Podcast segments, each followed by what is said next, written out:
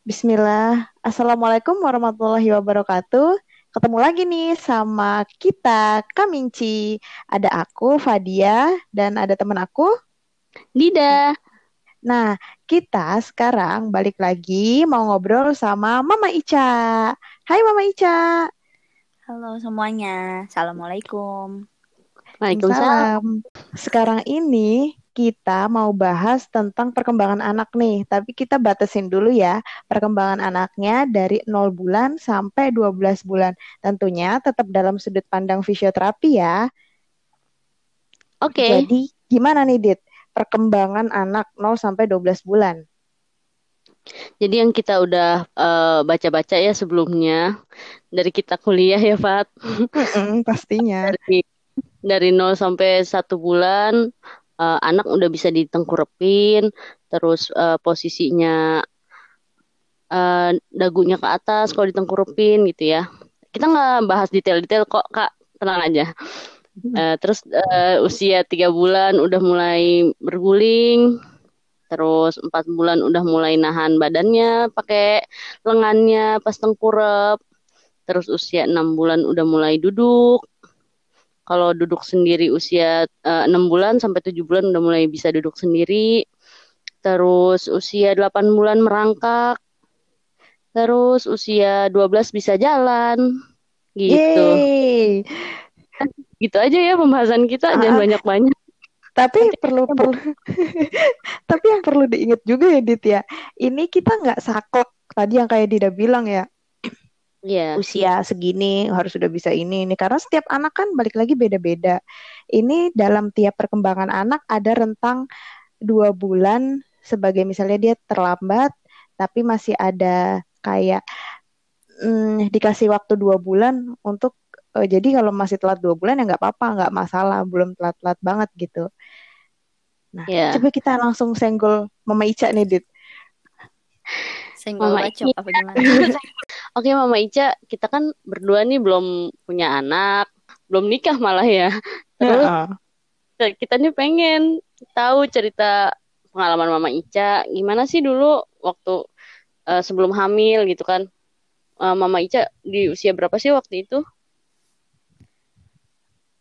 Aku tuh pas nikah itu sebulan se nggak nggak ada nggak ada kosongnya sih langsung isi. Jadi aku bener-bener kaget kan kaget. Udah gitu aku nggak aku bukan tipikal orang yang apa ya cari tahu gitu loh yang rajin cari tahu. Udah mudah-mudahan sekarang udah tobat. Jadi itu aku bener-bener ngeblank kalau masalah anak zaman zaman Sofia kecil.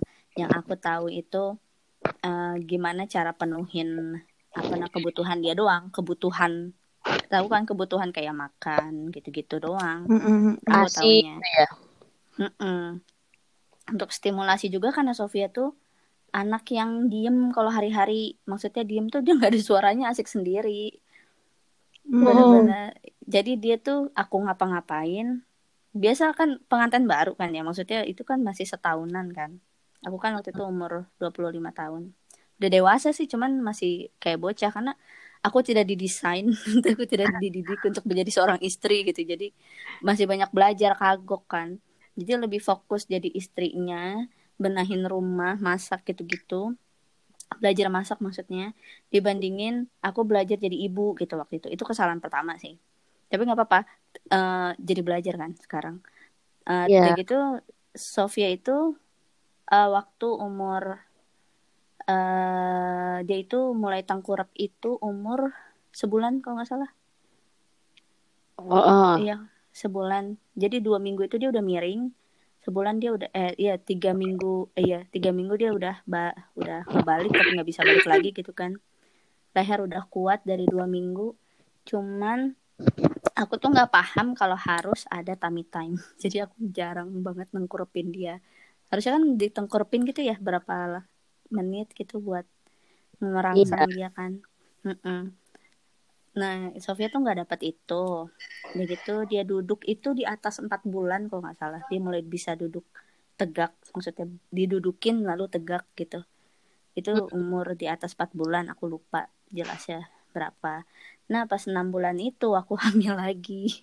Hmm, oke. Okay. jadi kecolongan aku nggak tahu jadi uh. itu mabok udah mabok. Sofia itu udah mulai mak makan itu baru mau umur tujuh bulan kalau nggak salah. Ya tujuh bulanan. Jadi dia udah bisa duduk sendiri uh, duduk tegak duduk sendiri. Belum bisa merangkak uh, jalan juga masih kayak berenang di lantai tau kan? Merayap gitu. Nah iya baru gitu doang. Dia makan sangat sangat picky dia nggak mau bubur sama sekali. Aku masak jadi yang aku siapin itu bekal ilmunya tuh cuman masalah MP ASI oh, makanan okay. pendamping ASI jadi pas aku bikin itu dia tolak aku bingung kan. Nah itu baru kenalan sama uh, eh, BLW baby led winning. Oh iya. Yeah. ya, itulah pokoknya. Jadi BLW-nya aku tuh zaman dulu nggak kayak yang hype zaman sekarang sih. Jadi benar-benar buah sayur ya di batang jadi potong batang sepegangan dia itu baru dia mau makan. Kalau bubur nggak bakal disentuh sama sekali. Itu usia enam bulan tadi ya? Itu usia tujuh bulanan. Oh, tujuh bulanan yang nolak hmm. bubur? Nolak bubur sama hmm. sekali nggak mau bubur. Langsung dilepehin gitu kak? Iya nggak mau nggak mau banget di dia nggak mau makan. Intinya oh. nggak oh. ada yang masuk cuma disembur-sembur aja dan dia Emang ong ongkek bahasa Sunda ongkek apa sih? Oe gitu. Oe uh, uh. uh. di oein gitu ya. Iya. lauknya apa aja gitu kak? Itu kalau MPASI pertama tuh apa ya? Aku lupa. Soalnya uh, an Amar pun nggak aku kasih bubur gitu jadinya. Aku BLW-in lagi aja karena kena ngelihat Sofia waktu itu berhasil gitu. Oh. Itu kayak gitu. campuran bubur saring. Bubur saring gitu tahu kan bikin sendiri mm -mm. Mm -mm. kayak sayur ada proteinnya dikit misalnya ikan kayak terus mm. ya nasi mm, jadi memang uh, Maica nih dulu fokusnya ke benar-benar bekal untuk makanan anak ya, Kebutuhan. ya kak ya. Uh, uh. Terus nih kak, kan tadi udah dari tujuh bulan, terus ke sepuluh bulan, sebelas, dua belas, itu gimana kak perkembangannya Sofia? Uh, maksudnya udah mulai merembet-merembet, itu tuh gimana kak perkembangan itunya? Nah, iya, karena dia anaknya diem, mm -mm. masih kecil tuh dia tuh nggak bukan anak yang gelatakan gitu. Gelatakan tuh apa sih? Cicilan. Pokoknya iya dia tuh dia tuh suk dia tuh anteng aja sendiri. Pokoknya dia diem duduk tarik tarik kabel kayak apa kayak gitu. Tarik oh. kabel serem banget ya. Itu senang nemu kabel dia tarik tarik gak dimakan dan dia juga nggak nggak terlalu sering ngemut makan eh ngemut barang gitu loh. Oh iya iya. Aku juga heran deh ha -ha aku juga nggak tahu dia kenapa dia begitu soalnya Amar tuh super apa apa semua masuk gitu. Dia tuh nggak. Terus uh, Sofia itu umur enam bulan itu kena eczema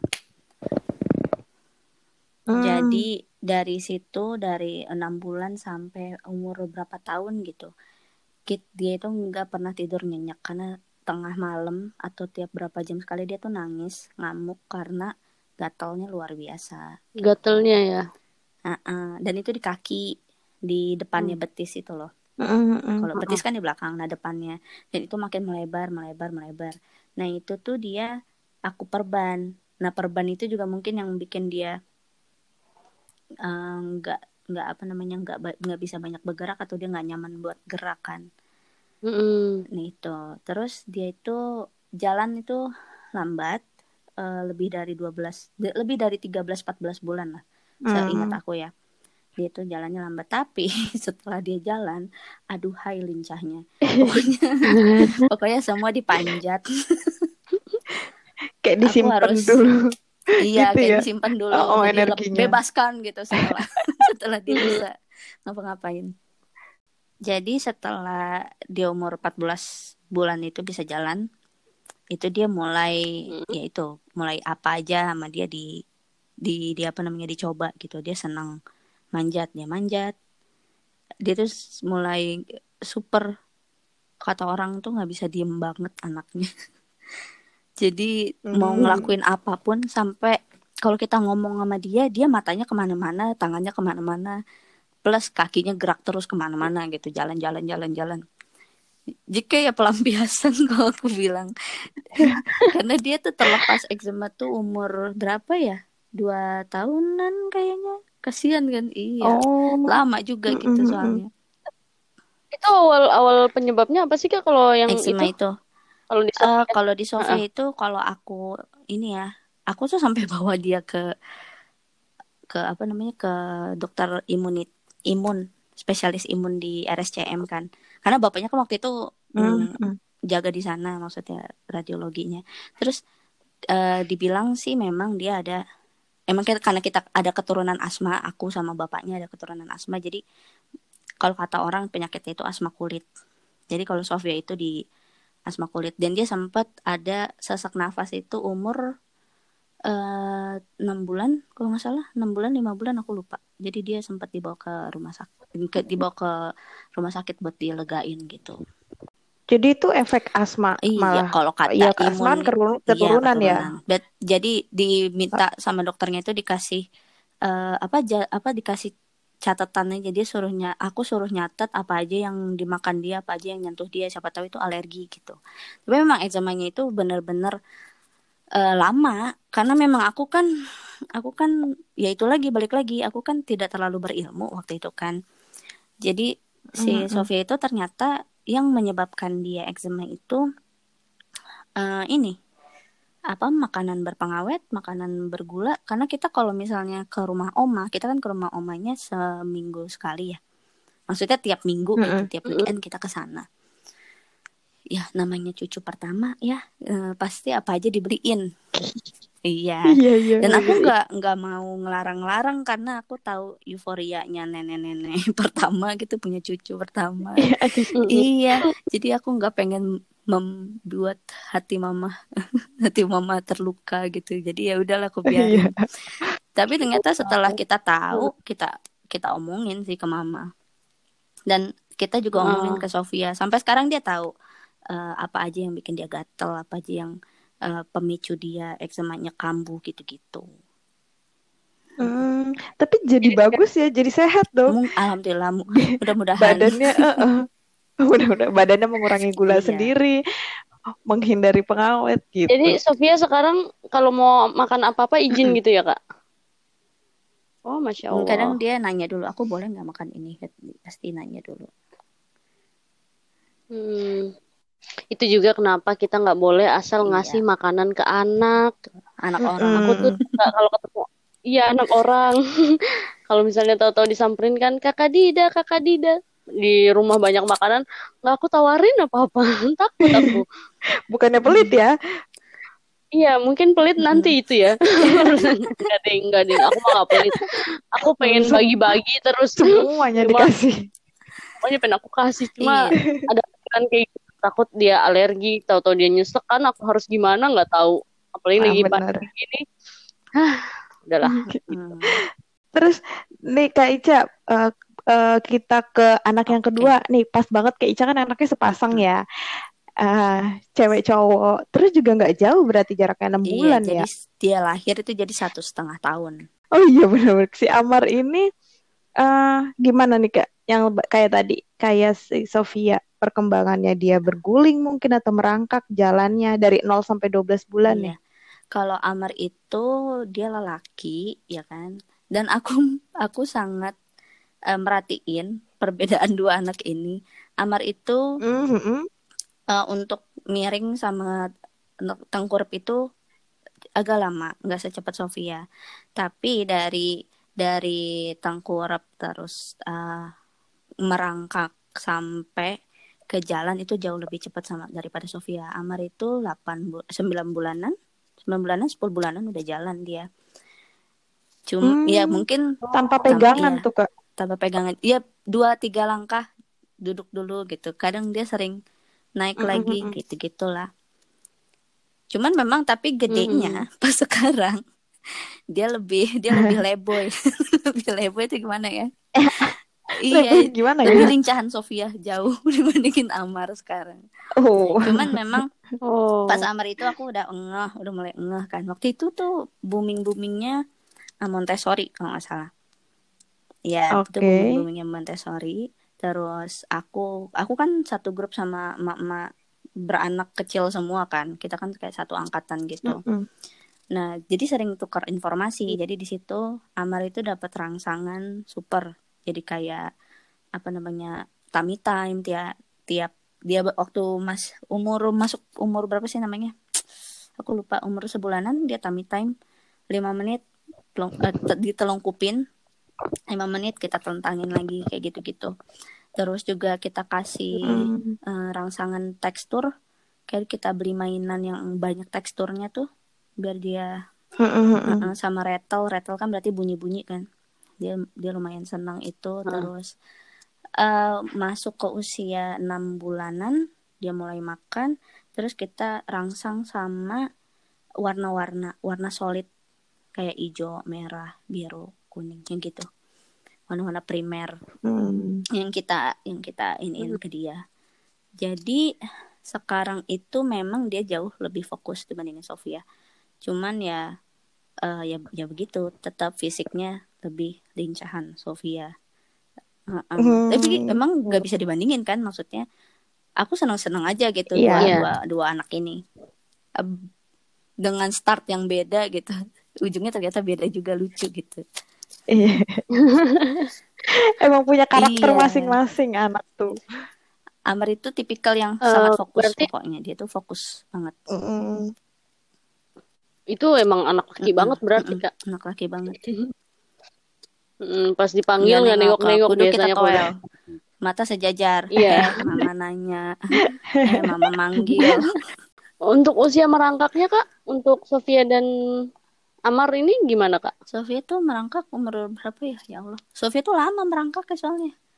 Dari umur berapa ya dia? Oh. Uh -uh, dia tuh lama di merangkak. Terus uh, jalan jalannya itu masih belum. Ini pokoknya lama banget ya di jalannya. Umur setahun lebih kan, 14 bulanan kalau nggak salah. Kalau 14 bulan uh, sebenarnya nggak belum delay hmm. sih. Bagus deh. Hmm. Eh iya, Sofia itu termasuk speech delay sih menurut aku soalnya dia umur tiga tahun baru jelas ngomongnya. Oh bagian iya, ngomong ya. Gapnya tuh gimana kak? Gimana? Maksudnya? Uh, ukuran jelas ngomong usia tiga tahun itu dia udah bisa berapa kata gitu misalnya? Dia punya pilihan kata cuman dia mengartikulasikannya itu super nggak jelas. Sampai saat kita uh, dengar videonya lagi kan kita suka suka ini kan suka apa namanya nonton video dia masih kecil.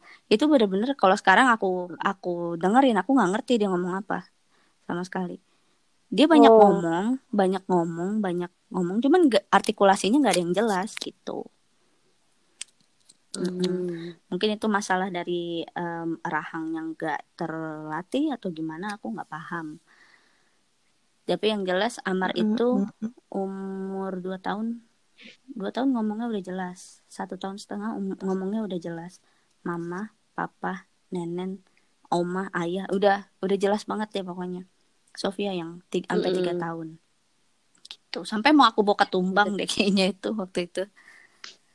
Oh, gitu. Tapi nggak jadi. jadi tiba-tiba dia bisa. Dia dia nggak mau ah nggak mau ah gue bisa aja. Iya, jangan-jangan itu ya pemahamannya berarti ada ya. iya sebenarnya. Ini lebih ngerti. Kalau Amar itu ada kan kemarin eh Sofia kan ada masalah eczema hmm. itu ya. Kalau Amar ada itu juga nggak kak di usia setahun ada, dia? Dia itu justru asmanya. Jadi dia um serangan pertama hmm. asma itu umur 4 tahun, 4 bulan karena dia masih di bawah dua bulan nggak bisa dibilang asma kata dokternya cuman oh. sesaknya itu udah sesaknya kayak asma jadi dia umur 4 bulan serangan asma pertama kita akhirnya punya nebu sendiri sampai sekarang uh, terus enam hmm. bulan kambuh lagi 8 bulan terus lama setahun habis setahun uh, satu tahun setengah habis satu tahun setengah itu baru kemarin pas baru pindah ke Singapura dia kambuh lagi asmanya gitu waktu ada serangan itu yang empat bulan itu kakak panik nggak? Panik banget. Cuman ya, ya gimana? Dia tuh sampai bibirnya tuh sampai hampir biru kan. Udah gitu uh-uh. nafas itu dada ulu hatinya tuh sampai masuk ke dalam kita tuh bisa lihat jelas rusuknya dia gitu.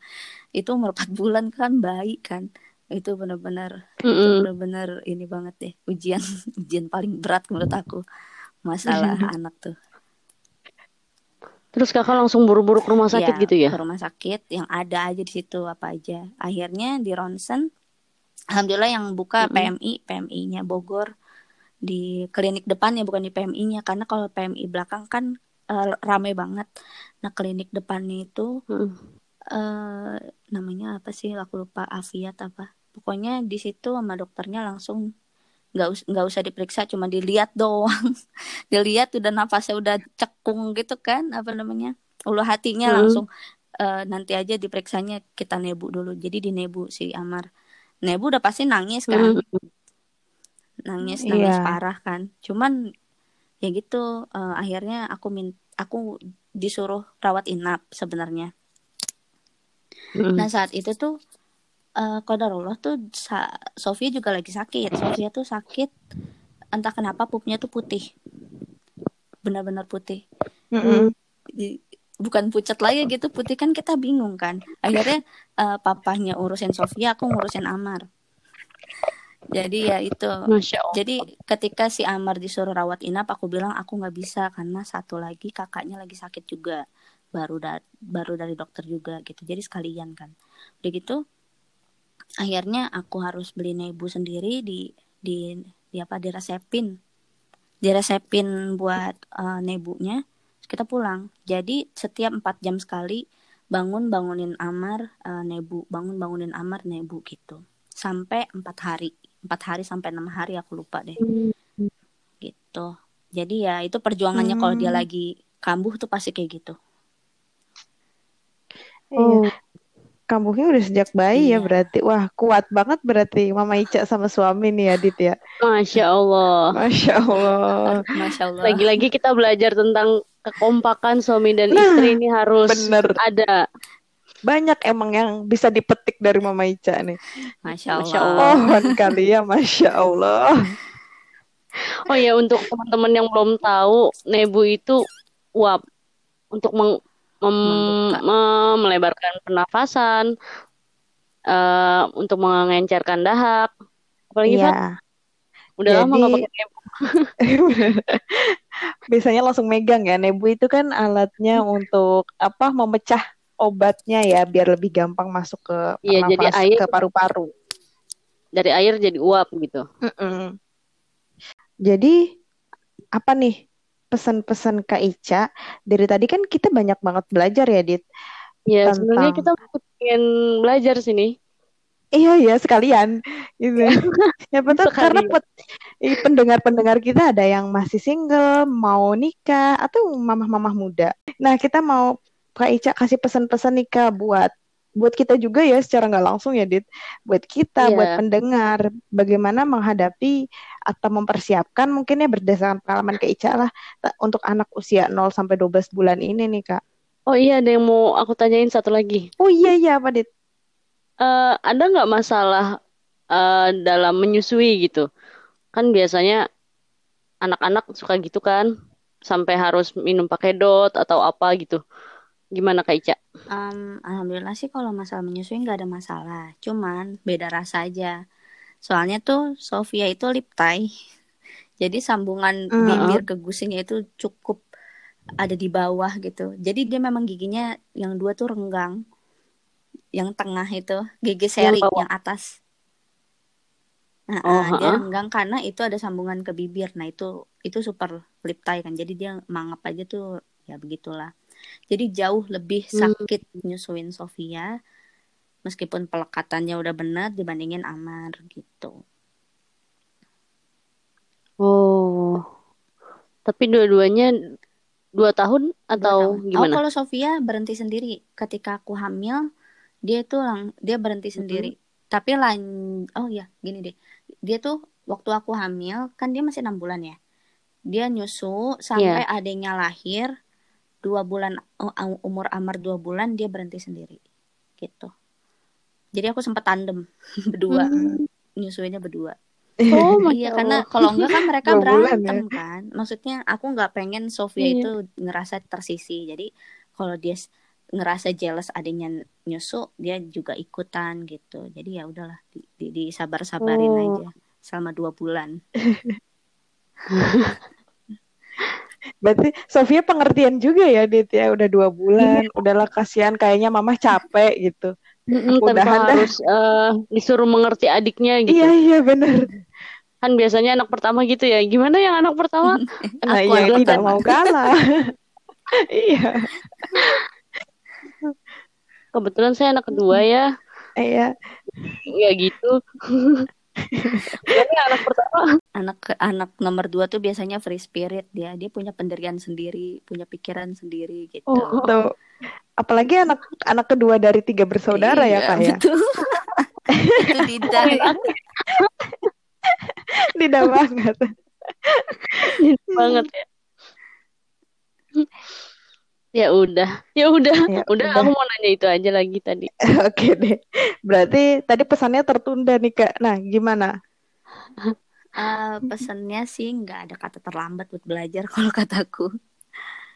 Uh, uh, iya, nggak ada kata terlambat buat belajar. Terus ya kalau memang dulu belum belajar ya udah. Maksudnya itu kan udah takdir. Insya Allah itu yang terbaik. Udah gitu. Yeah. Um, apa ya?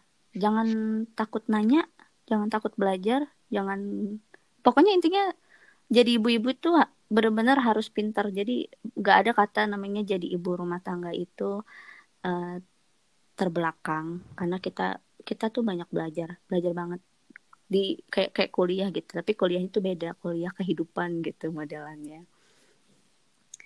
Mm paling itu sih kalau buat anak masalah masalah anak itu masalahnya belajar. Karena nggak ada sekolahnya kan ya, terus bener. pantengin deh curhat ke visio nanya sama mereka. Ah, oh. setuju setuju sekali. Karena aku sering nanya banget. Apa follow di balik layar aku suka nanya ya kan? Ujuk-ujuk aku nanya. Nah benar kita kita saling nanya sebenarnya ya. Iya. Dengan masalah yang berbeda. Skincare yang bagus apa ya kak? Nah salah ruangan. Benar. Di sini kita visio salah ruangan. Oh iya benar. Nanti kapan-kapan kita bikin lagi ya kak ya. Nah, setuju. Terus pesan eh nambahin lagi tadi setiap anak intinya karakternya beda iya. ya kak. Walaupun sama-sama dari rahim yang sama. Dengan DNA yang sama. Iya makanya ibu bapaknya sama aja yang gitu sama kan. brojolnya sama rasa sakitnya cuman dia bisa berbeda tumbuhnya bener. karakternya udah pasti ya, beda bener. ya intinya masih di di di apa ya disyukurin di di apa ya di im, di embrace bahasa Inggrisnya aku nggak tahu bahasa Indonesia apa uh, jadi setiap karakter unik anak itu benar-benar disyukurin benar-benar disupport aja benar-benar dikasih wadah buat dia bergerak Sofia sukanya manjat. Ya udah kita kasih waktu dia buat manjat. Ya intinya aku sih jarang ngelarang sih mau dia manjat mau dia apa. Sampai dia nangis nggak bisa turun sendiri gitu aku diemin. Amar juga gitu. Dia serius ada fotonya yang aku kirimin oh, siap bukti dong langsung terus kalau Amar uh, males gerak alias leboy gitu kan anak laki maunya di bawah aja terus anak zona aman senangnya yang aman-aman aja ya udah biarin aja dia gitu. Biarin dia berkembang dengan areanya sendiri gitu sih kalau kataku nggak usah dipaksa-paksa jadi orang lain biarin aja dia begitu. Iya. Apalagi sampai ada kata kayak gitu kali ya misalnya, tuh lihat kakak kamu bisa, masa kamu nggak bisa iya, gitu ya? Gitu-gitu aku menghindari banget kata-kata itu. Benar-benar. Oke deh.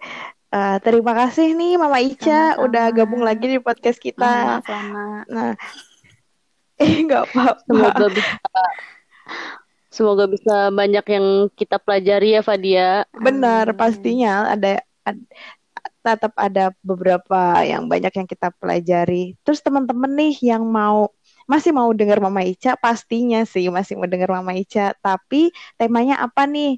Bisa bisa bisa. Bisa DM ke curhat ke Visio ya teman-teman. Oke akhir kata okay. kita tutup aja nih Dit. Eh, nggak uh, mau ngasih ini lagi Fandia kesimpulan.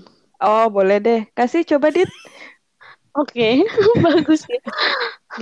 Aku suka banget sih tadi kata-katanya Mama Ica yang jangan takut belajar, jangan takut mencoba. Itu kita tuh emang di dunia ini tuh setelah baca teori, prakteknya kan pasti beda nih. Nah, kita ah. emang harus biar tahu ini cocok nggak ya buat anak kita kayak gitu. Jadi ada trial and error kalau kita mah ya, Fadia. Kita juga iya. gitu kan kalau ke pasar pasti nyoba teori ini, nyoba metode ini kayak gitu uh, jangan takut uh, nanya karena takut dibilang bodoh gitu ya. Justru kalau kita nggak tahu dan kita nggak nanya, baru kita dapat predikat itu gitu ya. Mm -mm. Pokoknya berani aja nanya untuk belajar kan. Iya benar. Demi anak yang uh, generasi penerus yang lebih baik. Nggak bisa berkata-kata mau mau gimana ya? Speechless ya habis denger Mama Ica cerita nih. Ternyata uh, punya anak itu nggak semudah yang kita pikirin. Hmm. Uh, bener. Padahal ini kita baru bahas dari 0 sampai 12 bulan ya. Iya. Belum kita bahas 0 sampai 17 tahun gitu ya. Nah. Kamar sama Sofia juga belum nyampe sih. iya, nanti ya ditunggu teman-teman. Insya Allah podcast kita bertahan sampai 17 tahun gak? Enggak ya? Insya Allah, insya Allah. Insya Allah.